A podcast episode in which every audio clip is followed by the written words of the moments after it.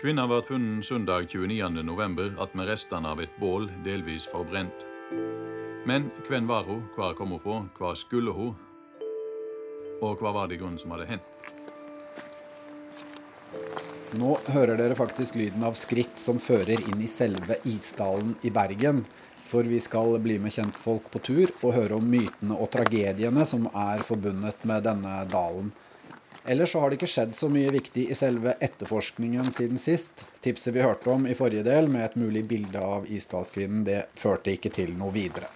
Men aller først, i denne episoden skal vi møte en som spilte en viktig rolle i etterforskningen i 1970. For i Isdalskvinnens bagasje så fant politiet et ark med koder. Og siden ingen klarte å løse dem i første omgang, havnet de til slutt hos Tor Martin Rør Andresen.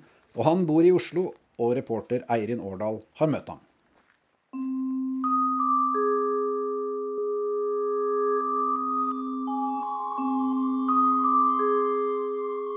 Jeg var vel konsulent, og jeg, jeg, drev, jeg drev med en del andre ting. Mm. Og altså, min oppgave da var å drive med monitoring. Det fremgår jo av den store boka. Og den har dere selvfølgelig sett, den med grønn, grønt omslag. Mm. Og der er det bilde av meg inni den. Det er en sånn bok om Forsvaret som han er omtalt i. Eh, men han drev med det som han kaller monitoring, som var å Eller overvåkning, som vi Ja, vi kan vel si det. ja. det. Det var en lørdag morgen. Det var ikke blitt slik at var, man ikke jobbet på lørdager. Det var annenhver lørdag. Så jeg kom der, da, og så var det ikke lenge, så, så kom sjefen min da inn med, med den, den lappen her. Ja. Kan du finne ut av hva dette er for noe? Politiet greier ikke å skjønner ikke noe dette her. Jeg vet ikke, Vi var jo mange som, som drev med det. Vi hadde, vi hadde jo noen virkelig kryptoeksperter som var med og publiserte eller, eller, laget nye og slike ting. Jeg vet ikke om de hadde sett på det. Men i hvert fall jeg fikk dette her, og det gikk vel ikke så veldig lang tid da før, før jeg skjønte hva det var. Og jeg gikk inn til ham og sa at sånn og sånn var det. Ja, han skjønte jo straks at det var det. Ja, ja vel, vent litt, da, sånn. Så ringte han drosje. Og opp til, opp til Victoria terrasse. Ja. Han, han hjelpte deg ganske bra, vil jeg si. da. Men, men, hvordan gjorde du det? Så du bare på det? Eller eh, har, har altså, Hengte ja. du det opp på veggen, eller eh, Nei, jeg, skrev, hva, hva gjorde du? Liksom? Jeg renskrev det litt på en annen måte.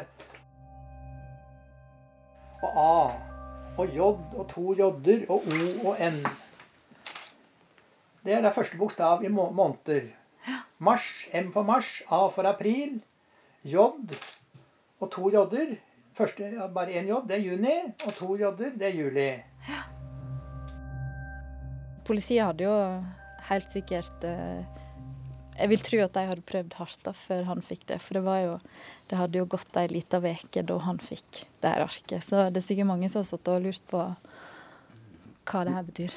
Og siden Andresen skjønte denne koden, kunne politiet vite hvor Isdalskvinnen hadde vært en del steder og på hvilke datoer, så da fant de mange nye vitner og spor. Og jeg, ja, og jeg forklarte dette som jeg nå har forklart til dere, og de var jo veldig fornøyd da med at, at jeg fikk dette her. Ja, og så dro vi tilbake til kontoret. Ja, og sjefen var veldig fornøyd, og ja, det var greit.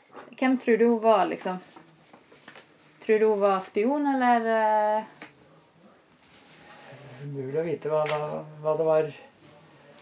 Men det virket, virket jo sånn at i og med at hun reiste her de siste dagene, mm. så var hun jo stadig i Trondheim, Bergen, Trondheim og Oslo. Mm. Så at hun da prøvde å, å skjule seg mm. for disse som forfulgte henne, det, det er meget mulig.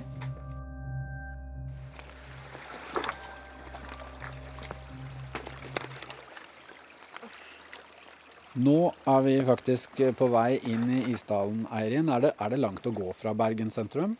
Nei, det er ikke så veldig langt eh, fra sentrum. Du kan, eh, du kan, gå fra sentrum opp i Isdalen. Det ligger liksom litt rett bak Bergen sentrum der. Så det er ikke langt. Og du eh, var på tur sammen med turguidene Jon Lindebotn og Gunn Losnedal. Og de har tatt med turister inn på guida tur i Isdalen. Du vet, slik som turene ble solgt, sant? så heter jo turen uh, Isdalen og mysteriet om uh, Isdalkvinnen og sånt. Mm, mm. Så du må ha det med deg. Ja. Men du forteller jo om andre ting. ikke sant? Det har jo utvikla seg veldig mange rare historier eh, omkring eh, Isdalen og eh, Svartediket. Dalen er, ganske mørk, og Svarteriket er ganske svart. Hvordan vil du beskrive Isdalen, Eirin? Eh, jeg syns jo at den er mystisk. Eh, men det er jo sikkert litt fordi at jeg har jobba mye med saker om isdalskvinner. Men det er veldig sånn eh, Det er veldig bratte eh, fjellsider ned mot eh, Svartediket. Sånn at det blir på en måte litt sånn mørkt der. Og Svartediket, det er et vann. Ja, det, det er drikkevannet til bergenserne som ligger inni der.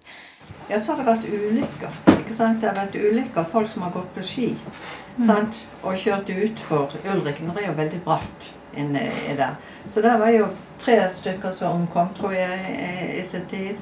Skiløpere. Men det er jo i nyere tid. Det er jo på 1900-tallet. og I tillegg til ulykker og selvmord, kanskje, så har det også vært en del andre tragedier. Og Jon Lillebotn han forteller om gråten fra isen.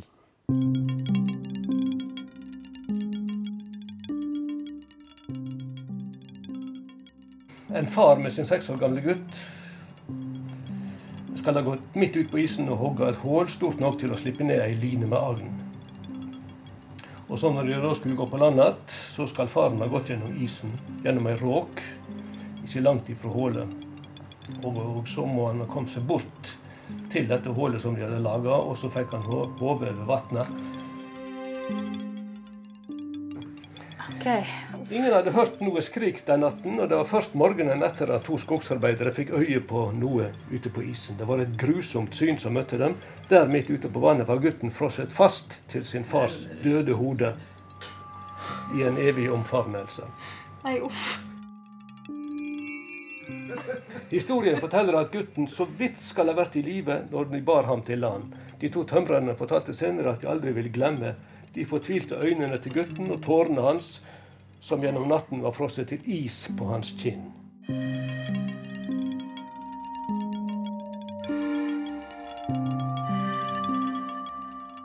Historien ble etter hvert en vandrehistorie det folk begynte å hevde at de hørte gråt fra midten av diket. Vi, eh, vi måtte nesten utelate en del detaljer fra denne Eirin. Fæl historie. Ja, det er makab makabre historier som, eh, som er blitt fortalt eh, om ting som skal ha skjedd oppe i Isdalen. Det er det. Og så her er noe som heter sluggsteinmatja. Ja, hun har jeg hørt om. Har du hørt Er det om hun som drukna barn? Fortell, du. Ja, du, det, det er så grotesk at jeg orker ikke å lese Men jo, bare ta, ta litt Ta eh, en kort Norges mest beryktede jordmor, for å si det sånn. Ja. Denne må vi nesten helt sensurere, Eirin, for det er jo ikke 18-årsgrense på denne radioserien. Men Slugsteinsmatja hun samla altså barn i en kurv og gikk ut i Isdalen for å bli kvitt dem, og så får folk google hvis de vil ha detaljer. Ja, hvis jeg tør. Men fortell oss om uh, Gulbrand Eriksen Mørstad. Han, uh, det er litt mer fun fact. Han begikk et drap som han ble dømt for, men så eh, Og det skjedde inne i Isdalen. Men så satte han spor etter seg. Hva skjedde? Ja, det gjorde han. Ehm, Det var en Altså, når de skulle bygge mm, Eller da de skulle bygge Stortinget, så ble det jo snakk om at en skulle dekorere utafor Stortinget òg. Og da fikk Kristoffer Broch ansvaret for det. Eh, Og han visste at eh, Gulbrand, som da var eh, Han var jo fengsla for det her drapet. Han visste at han var flink eh, til Altså flink, en flink steinhugger. Så han eh, fikk med seg han og en annen. Og så lagde de eh, løvene som fortsatt står utenfor Stortinget i dag. Så 'Løvene på Løvebakken' er laget av en drapsmann fra Isdalen. Ja. Men noe som er hyggeligere, det er jo å poengtere at det også er et eh, flott turområde som bergensere som Gunn Losnedal faktisk er veldig glad i. Det, det er et fantastisk sted. og du, Det er fem minutter fra sentrum ikke sant? Eh, hvis du kjører, og 15 minutter og går. Og da kommer du inn i et område som er uten biler. ikke sant? Du kan la barna få sykle der, og kan gå og plukke blomster den første bjerken. Og, mm. Så det er et fantastisk turområde. Du syns ikke det er litt skummelt? Nei. nei, nei. Det finnes også en sånn litt spesiell benk der inne. Ja. Ja Gunn forteller at uh, da hun var tenåring, så hun vokste opp ganske nært uh, isdalen. Da gikk de opp der, turteldør, for å få være litt i fred. Og da så står det en benk ikke så lenge etter hun liksom begynte å bevege deg inn i isdalen, så står det en benk. Og der var det visst sånn at der satte han seg ned, og da stilte han de store, viktige spørsmåla, ja-nei-spørsmåla som Kan jeg få et kyss? Ja eller nei? Eh, så ja, det var mye romantikk i isdalen òg, tydeligvis.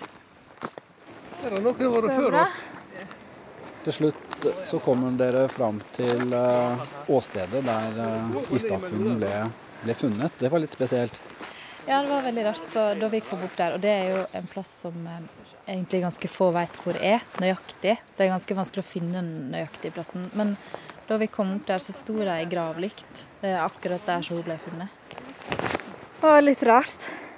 Eh, og det Ja, det var litt rart. Og det lyste i den òg, til og med kanskje en påminnelse om at uh, selv om det er et spennende mysterium, så handler det også om et uh, ekte menneske.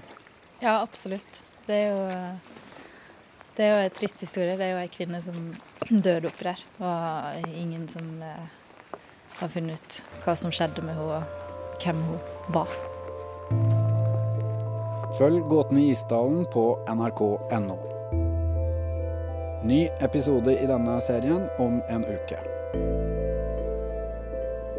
Du hørte reporter Eirin Årdal, og jeg heter Kjetil Saugestad.